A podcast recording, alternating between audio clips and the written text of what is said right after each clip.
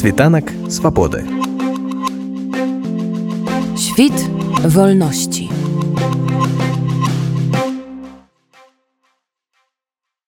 сапраўды сапраўды рады і мы спадзяваліся што ну ён застанецца з намі як усе мы бо алесь уже папярэджвалі што на яго заводіцца справа што яго там чакаюць у менску он адкрыл выставу музея майдана выставу на якой былі яго малюнкі яго перформансы которые он ладзіл беларусі і калі на наступны дзень он сказаў што я заўтра сядаю самалёт еду менск то мы не то што мы верыць у гэта не хацелі мы яго адгаворвалі але ён быў настолькі ну как бы моцны он не переживал не хваляваўся ён посміхаўся абдымаў нас казаў все будзе добра ён разумела што он едзе на пакуты вот у ім было вот такая мужнасць свядома прымаць пакуты за Беларусь я не ведаю як это патлумачыць у яго было вот это тое что кажуць не ад э, мира сего.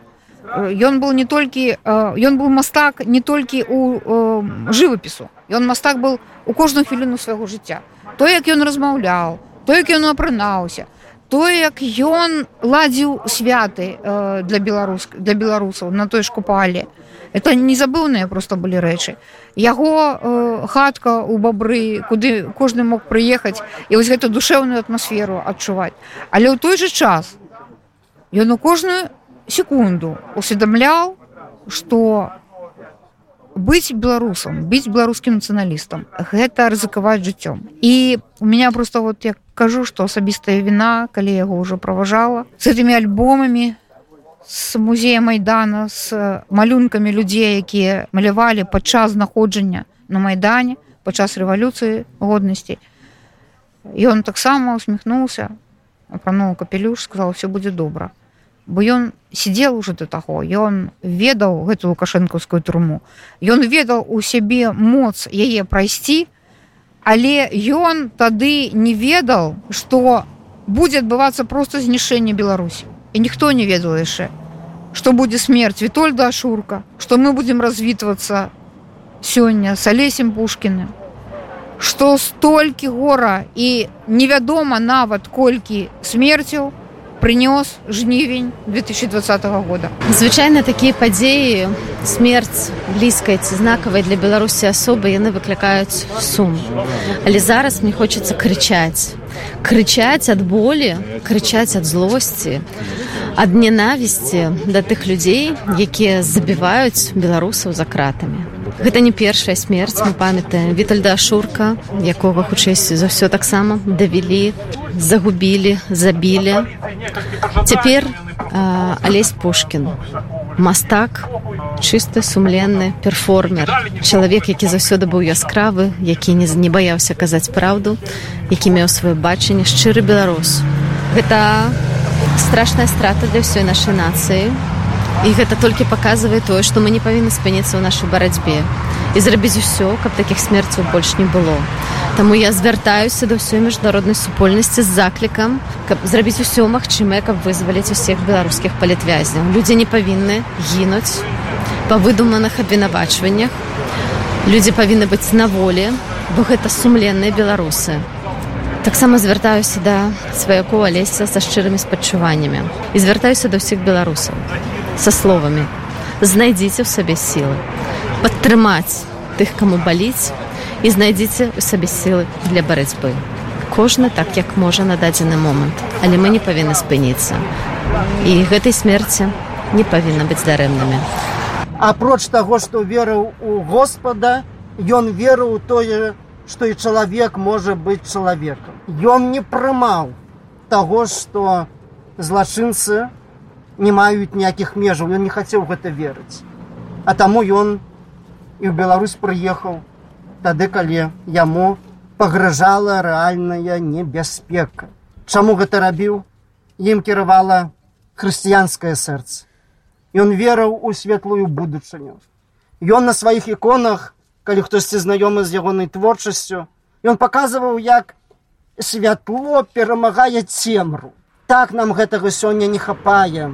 Мы можам зняверыцца, некаторыя зняверыліся, але углядайцеся у узоры такіх людзей, як Алес Пушкін.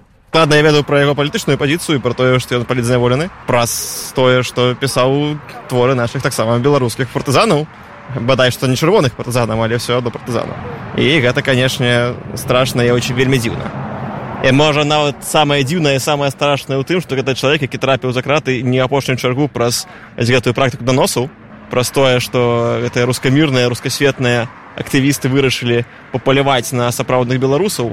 І вось вось яны вынікі вось яны ахвяры. І пра гэта ніколі не трэба забывацца што ў кожнага такого злачынства ёсць імя прозвішча і твар. Что тут казаць? Канешне это шок а першая думка я адразу вот праз нейкіх некіх некалькі хвілінаў атрымала паведамленне ў мессенджер што людзі ідуць да беларускай амбасады. І першая вось некая такая нянавісць такая раз'юшанасць я ўжо просто чамусьці думала что ну я на такое увогуле э, ніколі ні такога не рабіла. Але першая была вось такая думка пайсці тут все просто вот крушыць. Просто вот я не ведаю э, гэта ўжо назапасілася столькі злосці э, столькі нянавісці вельмі цяжка бо я нават не могу сабе уявіць э, канешне ведаючы яго характар я нават просто мне нават страшно думаць. Я заўсёды чамусьці менавіта за яго і за паўла северынца больш за ўсіх хвалююся. Я ведаю што яго ламалі бо ўжо ведаю гэтых людзей. Можа разумеем на што яны здольныя. І вось гэта катаванні якія ён перанёс канешне яны адбіліся на здароўе. Но я просто не не магу сабе ўявіць каб яму вот просто раптам зрабілася кепска і ён памёр. І тое што яны зараз пішуць памёр у рэанімацыі. Адкуль мы ведаем что там было насамрэч? Чалавек атрымалі ўвесь час у адзіножцы і что там адбылося? І як это адбылося?